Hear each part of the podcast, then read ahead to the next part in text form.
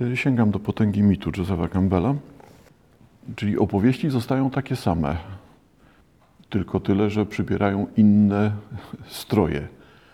Wobec tego, czy mity zostają takie same, czy też pojawiają się nowe mity. I- mamy rozmowę y, Mojżesza z Campbellem. Campbell. Spójrz na Irlandię. W XVII wieku grupa protestantów została przez Cromwella przeniesiona do Irlandii, ale nigdy nie otwarła się na mieszkającą tam katolicką większość. Katolicy i protestanci reprezentują dwa całkowicie różne systemy społeczne, dwa odmienne ideały. Mojers. Obie strony potrzebują nowego mitu. Campbell. Tak, każda z nich musi mieć własny mit. Miłuj nieprzyjacioły swoje. Bądź otwarty. Nie osądzaj. Wszystko to jest u Buddy. No i w micie. Wszystko to już tam jest. Mojesz, odpowiadasz, e, opowiadasz nieraz anegdotkę o pewnym krajowcu z dżungli, który powiedział kiedyś misjonarzowi: Twój Bóg zamknął się w chacie i siedzi, jak gdyby był stary i niedołężny. Nasz mieszka w lesie, jest też na polach i w górach, gdy przychodzi deszcz. Zdaje się, że tak jest w istocie. Campbell. Tak, widzisz, to jest problem, który spostrzegasz w Księdze Królewskiej i u Samuela. Wielu żydowskich królów składało ofiary na szczytach gór. W oczach Jahwe czynili źle. Kult Jahwe był specyficznym nurtem w społeczności żydowskiej i w końcu wygrał. Przeforsowano kult Boga związanego ze świątynią, eliminując kult natury uprawiany powszechnie w tych okolicach. Ten imperialistyczny napór kultury niewielkiej, zamkniętej grupy trwa nadal na Zachodzie. Jednakże teraz będzie musiała się ona otworzyć na prawdziwą istotę rzeczywistości. Jeśli potrafi się otworzyć, wszelkie możliwości są jeszcze przed nią. Mojżesz, to jasne, że my, ludzie nowocześni, odzieramy świat z jego naturalnych objawień, z samej przyrody. Myślę o tej pigmejskiej legendzie opowiadającej o chłopcu, który w lesie znalazł pięknie śpiewającego ptaszka i przyniósł go do domu. Campbell. Prosi ojca, żeby przyniósł dla ptaszka jedzenie, ale ojciec nie chce. Co tam będzie karmił zwykłego ptaka? I zabija go. Legenda mówi, że człowiek, zabijając ptaka, zabił też pieśń, a razem z pieśnią siebie. Upadł martwy, zupełnie i na amen martwy i pozostał martwy na zawsze. Mojers, czy to nie jest opowieść o tym, co się dzieje, gdy ludzie niszczą swoje otoczenie, swój świat, naturę i jej cuda? Campbell, niszczą też swoją własną naturę, zabijają pieśń. Mojers, czy mitologia to nie jest właśnie opowieść o pieśni? Campbell, ona sama jest pieśnią. Jest pieśnią wyobraźni inspirowaną przez energię ciała. Pewnego razu mistrz Zen stanął przed swoimi adeptami, by wygłosić kazanie. Wtem, właśnie gdy miał otworzyć usta, zaśpiewał ptak. Mistrz powiedział: Kazanie zostało wygłoszone. Mojers, chciałem powiedzieć, że sami tworzymy mity, ale ty mówisz, że nie, że każdy z mitów, jakie obecnie opowiadamy, ma po części źródło w naszych przeszłych doświadczeniach. Campbell. Główne motywy mitów są te same i zawsze były te same. Jeśli chcesz stworzyć własną mitologię, sprawą zasadniczą jest to, z jaką społecznością się wiążesz. Każda mitologia ukształtowała się w obrębie pewnej społeczności w zamkniętym polu. Następnie one zderzają się ze sobą, wchodzą z sobą w kontakt i stapiają się, i w ten sposób otrzymujesz mitologię bardziej złożoną. Ale dzisiaj nie ma granic. Dzisiaj jedyną prawdziwą mitologią jest mitologia planetarna, a takiej nie mamy.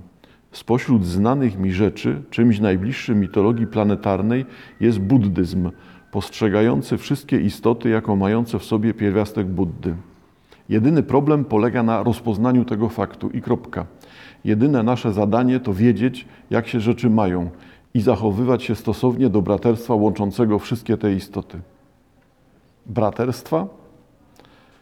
Tak, otóż w większości znanych mi mitów braterstwo ograniczone jest do zamkniętej społeczności.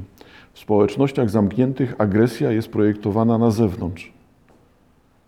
Jedno z dziesięciorga przykazań mówi na przykład nie zabijaj, a w następnym rozdziale czytamy idź do Kananu i zabij wszystkich, którzy tam są. Więc jest to pole zamknięte. Mity mówiące o wspólnocie i miłości odnoszą się tylko do grupy wewnętrznej. Grupa zewnętrzna zaś to coś całkowicie innego. Taki właśnie jest sens słowa gentilis, czyli osoba nienależąca do tego samego porządku. Gentilis niewierny goi. Mojers, skoro nie ubierasz się tak jak ja, to znaczy, że nie jesteśmy tego samego rodu. Campbell, tak, ale czymże jest mit? Słownikowa definicja mitu to opowieści o bogach. Więc zadajesz następujące pytanie: czym jest Bóg? Bóg jest personifikacją sił kierujących nami lub systemu wartości, które funkcjonują w ludzkim życiu i we wszechświecie. Bogowie to moce Twojego ciała i natury. Mity są metaforami duchowych mocy człowieka, a te same moce, które przenikają nasze życie, przenikają też życie wszechświata. Ale są też mity i bogowie powiązani z poszczególnymi społecznościami lub bóstwami opiekuńczymi danej społeczności. Innymi słowy, istnieją dwa całkowicie różne porządki mitologiczne. Jeden wiąże cię z Twoją własną naturą i ze światem przyrody, której, którego jesteś częścią. Druga mitologia jest ściśle socjologiczna, wiąże cię z określoną społecznością, bo przecież nie jesteś po prostu człowiekiem naturalnym, ale członkiem konkretnej grupy. W dziejach mitologii europejskiej widać przeplatanie tych dwóch systemów.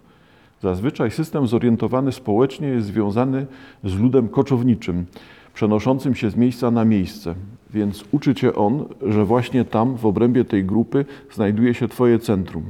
Mitologia zorientowana przyrodniczo byłaby zatem charakterystyczna dla ludu rolniczego. Tradycja biblijna jest mitologią zorientowaną społecznie. Natura jest tutaj potępiona. W XIX wieku uczeni uważali mitologię i rytuał za próbę podporządkowania natury człowiekowi. Ale to jest magia, nie mitologia ani religia. Religie natury mają na celu nie poddanie przyrody człowiekowi, ale dopomożenie mu w osiągnięciu z nią zgody. Jeśli jednak uważasz naturę za złą, nie żyjesz z nią w zgodzie. Poddajesz ją sobie albo tego próbujesz i stąd biorą się napięcia, niepokój, wycinanie lasów, unicestwianie planet, e, unicestwianie plemion tubylczych. Akcentowanie tych spraw oddziela nas od natury. Mojers, a więc dlatego tak łatwo podbijamy i ujarzmiamy naturę, że mamy dla niej pogardę i widzimy w niej tylko coś, co ma nam służyć. Campbell, tak. Nigdy nie zapomnę tego, co przeżyłem kiedyś w Japonii, w miejscu, gdzie nikt nigdy nie słyszał o upadku i o ogrodzie edeńskim. Jeden z tekstów shintoistycznych mówi, że to, co robi natura, nie może być złem. Żadnego naturalnego impulsu nie należy poprawiać, ale tylko sublimować, zamieniać w piękno. Cudowne jest tamtejsze zainteresowanie pięknem przyrody i współdziałanie z nią. To też w niektórych ogrodach, jakie tam widzisz, nie wiesz, gdzie zaczyna się przyroda, a kończy sztuka. Bo było to dla mnie niezwykłe przeżycie. I tak dalej. Następują dalsze uwagi o Japonii. Co jest specyfiką tej rozmowy Campbella? tego wywiadu rzeki udzielonej, udzielonego przez Campbella. Zauważcie Państwo, że tutaj też śledzimy to samo, co widzieliśmy w bohaterze o tysiącu twarzy, czyli cały gąszcz materiału. Pojawia się wiele religii jednocześnie, wiele argumentów jednocześnie. Ale specyfiką Campbella, i może to jest najbardziej urzekające, jest to, że próbuje on stale aktualizować albo stale dociera do tego, czy w każdym momencie odkrywa, że mity stanowią ten konstrukt, podstawę, rdzeń wszelkich opowieści i stara się to stale uświadamiać, że nawet jeżeli coś jest nowe, czy raczej uważane za nowe, postrzegane jako nowe, to jednak ma to w sobie ów dawny kontekst, dawną formę, no ale to dalej jest wypowiedź, która no, jest wobec czytelnika wymagająca. Po prostu musimy e, śledzić argumentację, nadążać za tym, co tutaj pojawia się w opowieściach. E, dalsza wypowiedź Campbella, tym razem dotycząca funkcji mitów. Każdy człowiek musi znaleźć taki aspekt mitu, który będzie związany z jego własnym życiem. Mity w zasadzie pełnią cztery funkcje. Pierwsza jest mistyczna gdy uświadamiasz sobie, jakim cudem jest wszechświat i ty sam, i gdy odczuwasz lęk wobec tej tajemnicy. Mówiłem już o tym. Mit otwiera świat na wymiar tajemnicy, na zrozumienie, że ta tajemnica leży u podłoża wszelkich form. Jeśli tracisz ten wymiar, tracisz mitologię. Kiedy przez wszystkie rzeczy przeziera tajemnica, wszechświat staje się jakby świętym obrazem. Żyjąc tu, w swoim rzeczywistym świecie, w każdej chwili nawiązujesz łączność z transcendentną tajemnicą. Y, przerwę tu wypowiedź Campbella, bo tak jak wspominałem, tekst Campbella jest bardzo gęsty, wymagałby komentarza wielokrotnego odnoszenia się do każdego zdania. Co tutaj się rozgrywa? Y, proponuje Campbell wskazanie, do czego, wskazanie, określenie, do czego służą mity.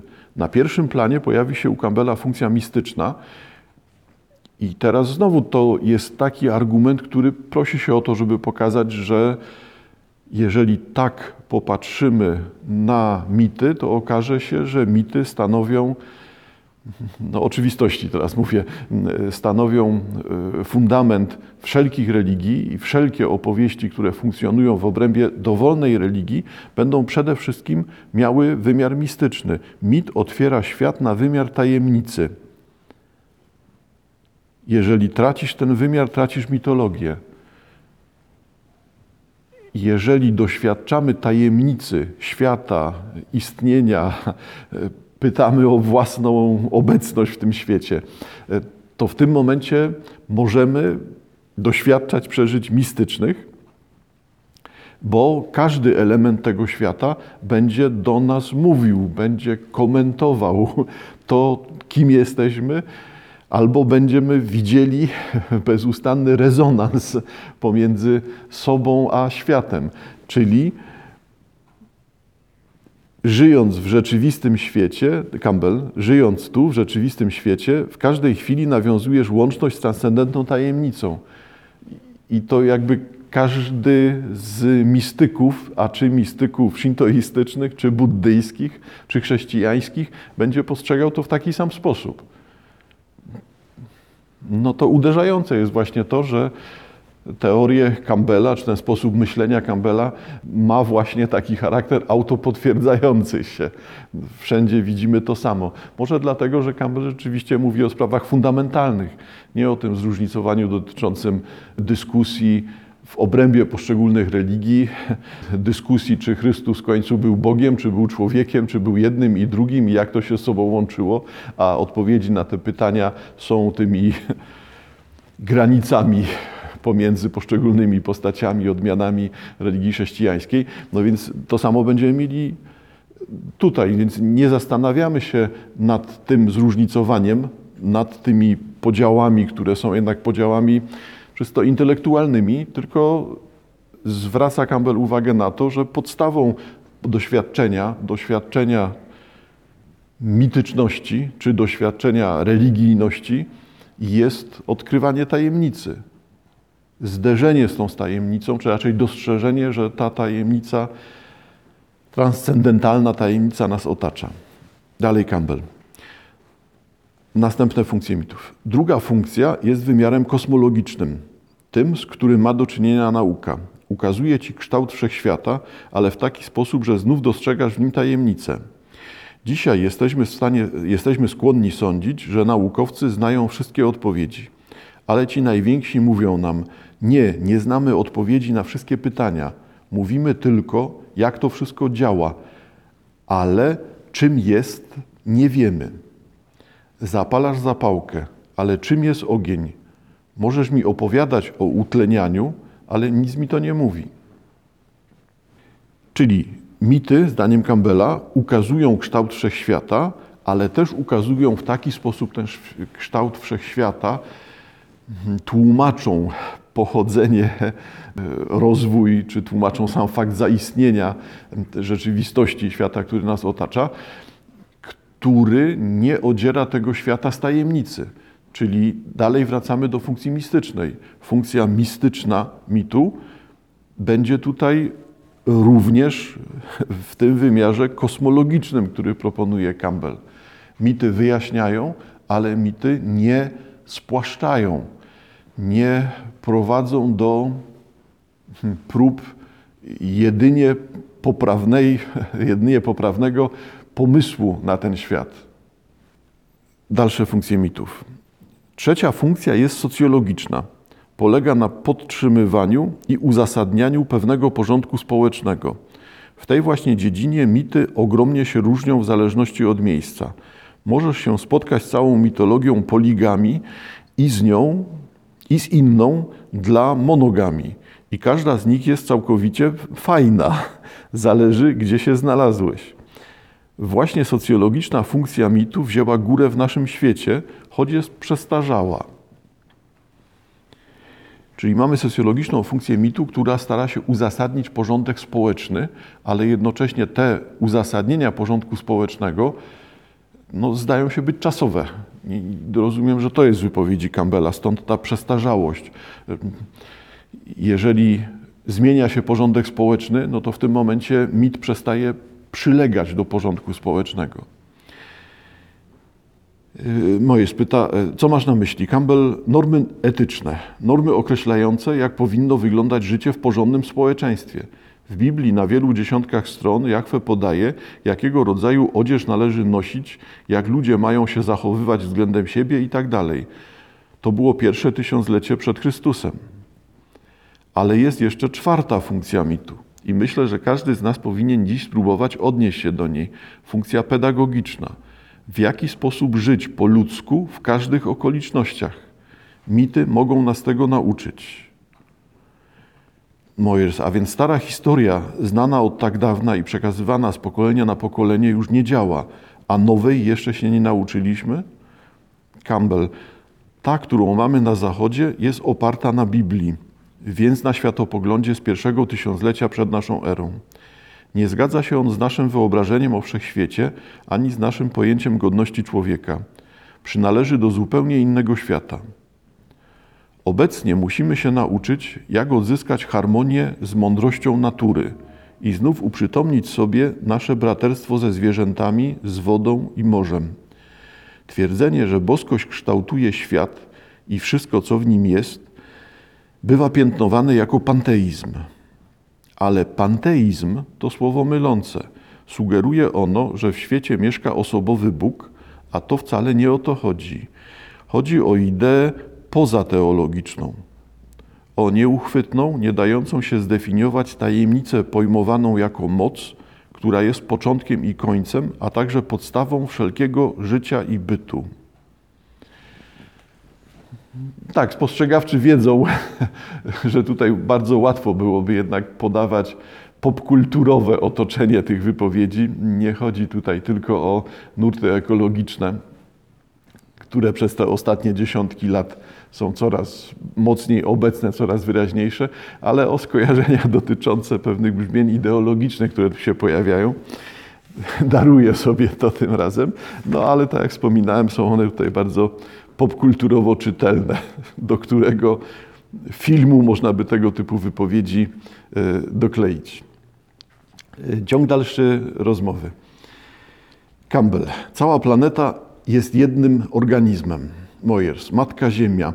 Czy z tego obrazu powstaną nowe mity? Campbell. Cóż, to całkiem możliwe.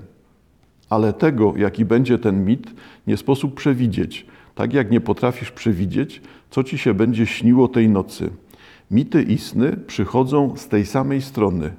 Mają swoje źródło w pewnych wyobrażeniach, które potem szukają wyrazu w formie symbolicznej. Jeszcze raz, mity mają swoje źródło w pewnych wyobrażeniach, które potem szukają wyrazu w formie symbolicznej. Czyli pojawianie się także w kulturze popularnej pewnych wyobrażeń. No już nie, nie mówmy, że te wyobrażenia są y, indywidualne, niezwykłe, osobiste. To nie ta płaszczyzna, tylko zastanawiam się teraz nad tym, czy y, Campbell tutaj wyraźnie nie podkreśla możliwości badania podświadomości społecznej, nie indywidualnej, tylko społecznej, y, właśnie poprzez analizę zjawisk popkulturowych. Bo w takim razie, jakie wyobrażenia, jakie wyobrażenia stają się owymi kliszami, które potem są powielane, obecne, cytowane, rozpoznawane w innych wyobrażeniach, czyli jakie masowe wyobrażenia przekształcają się w wyobrażenia o charakterze symbolicznym. Co ja bym tutaj widział? E, to, że jest możliwa sublimacja, czyli mamy pewne wyobrażenie, mamy pewien, pewien zbiór hmm, obrazów, zbiór pomysłów, czy zbiór niełączących się z sobą idei, jakichś brzmień, współbrzmień, propozycji, stwierdzeń, sformułowań, które potem w wyniku ich powielania, odbijania ulegają oczyszczeniu, może uproszczeniu, a może właśnie uporządkowaniu. I w tym momencie zaczyna się tworzenie nowych symboli. Pytanie, czy to nie jest również jakby na marginesie Campbella mówiąc, czy to nie jest y, genezą, jedną z możliwych genezy religii. Wszystkie religie mają charakter pierwotny. Idąc ślad za Campbellem, przez pierwotny rozumiem ten charakter czy, czy związany ze społecznością koczowniczą, czy związany, związany ze społecznością rolniczą i z niej się wywodzący, a potem następuje ta sublimacja, czyli przejście na poziom symboliczny od, w oderwaniu jakby od samej genezy. I nagle religie zaczynają wyglądać na religie sztuczne, obce. Przestają przylegać, przestają komentować, przestają pomagać człowiekowi i stają się tylko strukturami, czymś, co jest zaszłością. Pytanie właśnie, czy to nie jest jakiś komentarz dotyczący tego, jak współcześnie postrzegana jest religia ta religia, która istnieje, przynajmniej w naszej części świata od kilku tysięcy lat. Czy tutaj nie należałoby odwrócić się od struktur i, i raczej zająć się tym, co właśnie jest pierwotnym doświadczeniem? Powrócić do tego, w jaki sposób mity pomagają. Ta świadomość, mity, czy też zanim Campbella, świadomość mityczna, czy też ten rodzaj wyobraźni, ten ciąg symboli wygenerowany przez tą wyobraźnię i tak dalej. Czyli jak widać, Campbell jest bardzo e, prowokujący do tego typu rozważań, do tego typu komentarzy, które są uwspółcześnianiem, też uwspółcześnianiem Campbella. Dalej Campbell. Jedyny mit, o jakim warto będzie myśleć w najbliższej przyszłości, to mit mówiący o całej planecie. Nie tylko o tym mieście i o tym narodzie, ale o całej planecie i o wszystkich, którzy na niej żyją. Takie jest moje główne wyobrażenie o przyszłym micie. Jeśli zaś chodzi o sprawy, które będzie poruszał, to będą one dokładnie takie same jak we wszystkich mitach. W ciekawy sposób Campbell stara się określić, przewidzieć, przepowiedzieć, żeby było zabawniej, na czym będzie polegał ów rodzący się mit. To, w czym uczestniczymy współcześnie.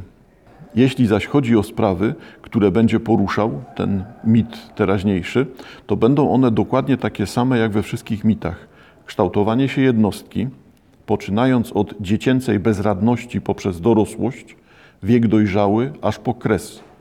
No i kwestia stosunków jednostki ze społecznością oraz społeczności ze światem natury i z kosmosem. O tych rzeczach mówiły zawsze wszystkie mity i ten nowy mit też będzie musiał o nich mówić. Tyle, że społeczność, o jakiej będzie on mówił, jest społecznością globalną. Dopóki to nie nastąpi, nie będziemy mieli nic.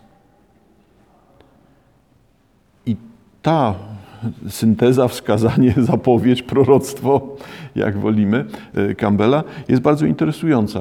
I właśnie moim zdaniem tutaj widać to, że ów mit nie jest przecież mitem elitarnym, nie jest mitem niewielkiej grupki ludzi wymieniających między sobą skrycie wiadomości czy informacje, dzielących się wiedzą na, temat, e, na tematy tajemne, tylko ten mit będzie rodził się w zbiorowej wyobraźni. A zbiorową wyobraźnię najłatwiej jest zobaczyć w tych kręgach popkulturowych. Wobec tego to, co ujawnia się w masowej kulturze, stąd ta popkulturowość, o której wspominam, to, co ujawnia się masowo, to, co jest masowym zjawiskiem, będzie najlepszym materiałem do tego, aby określać, czym jest ta nowa świadomość mityczna. I dalej krąg tematów tego, tych, tych wyobrażeń, tych pomysłów, tych nowych mitów będzie taki, jak proponuje Campbell zapewne, czyli kształtowanie się jednostki, proces wtajemniczenia w siebie, owej indywiduacji, o, której opowiadają psycholodzy. To wtajemniczenie w siebie, odkrywanie, czy nazywanie, może lepiej tak, nazywanie dziecięcej bezradności, tego stanu pierwotnego, tego punktu wyjścia, w którym jesteśmy ową tabula rasa i jesteśmy bezradni wobec czegokolwiek, co nas otacza, i jednocześnie jesteśmy nastawieni wrogo wobec tego, co nas otacza, bo wydaje się nam w tej dziecięcej bezradności, że tutaj chodzi o to, żeby zachować ową czystość i nieskazitelność w postaci uwolnienia się od jakiejkolwiek wiedzy, jakiejkolwiek zależności od obcych wpływów. Jakby zwrócenie uwagi na to, że liczy się tylko to, czego sam doświadczam, jest iluzją. Jest iluzją albo jest niesamowitym spłaszczeniem. No ale to jest owa dziecięca bezradność, sam początek rodzenia się osoby, powstawania osoby albo autokonstrukcji osoby poprzez dorosłość. I tutaj znowu cały ten zakres dorosłości, formowania się osobowości, decyzji, decyzji, których skutkiem jest budowanie naszego życia, wiek dojrzały, wiek męski, wiek klęski, aż po kres, czyli doświadczenie tego, czym jest śmierć, co ona zmienia, w jaki sposób doświadczenie śmierci jest pod prąd czasu porządkowaniem siebie, porządkowaniem swojej osobowości. No i następne aspekty mitu. widzę, że, widzę, że no jest zaraźliwe dla mnie po Campbellu, jak pisze Campbell. No i kwestia stosunków jednostki ze społecznością. Czyli to, o czym wspominałem wcześniej, Campbell zawsze pamięta o tym, że mit ma funkcje społeczne. Nie jest tylko komentarzem do rozwoju wewnętrznego, tylko jest, ma być pomocą udzielaną człowiekowi w jego kontaktach z innymi ludźmi, w określaniu relacji rozumiane jako prawa i obowiązki wobec tych innych ludzi, wobec społeczności, która go otacza. Czyli to jest ten podstawowy krąg hmm, tematów, zagadnień, które pojawią się w nowych mitach i które trzeba by było czytać w tych rodzących się mitach obecnych w popkulturze.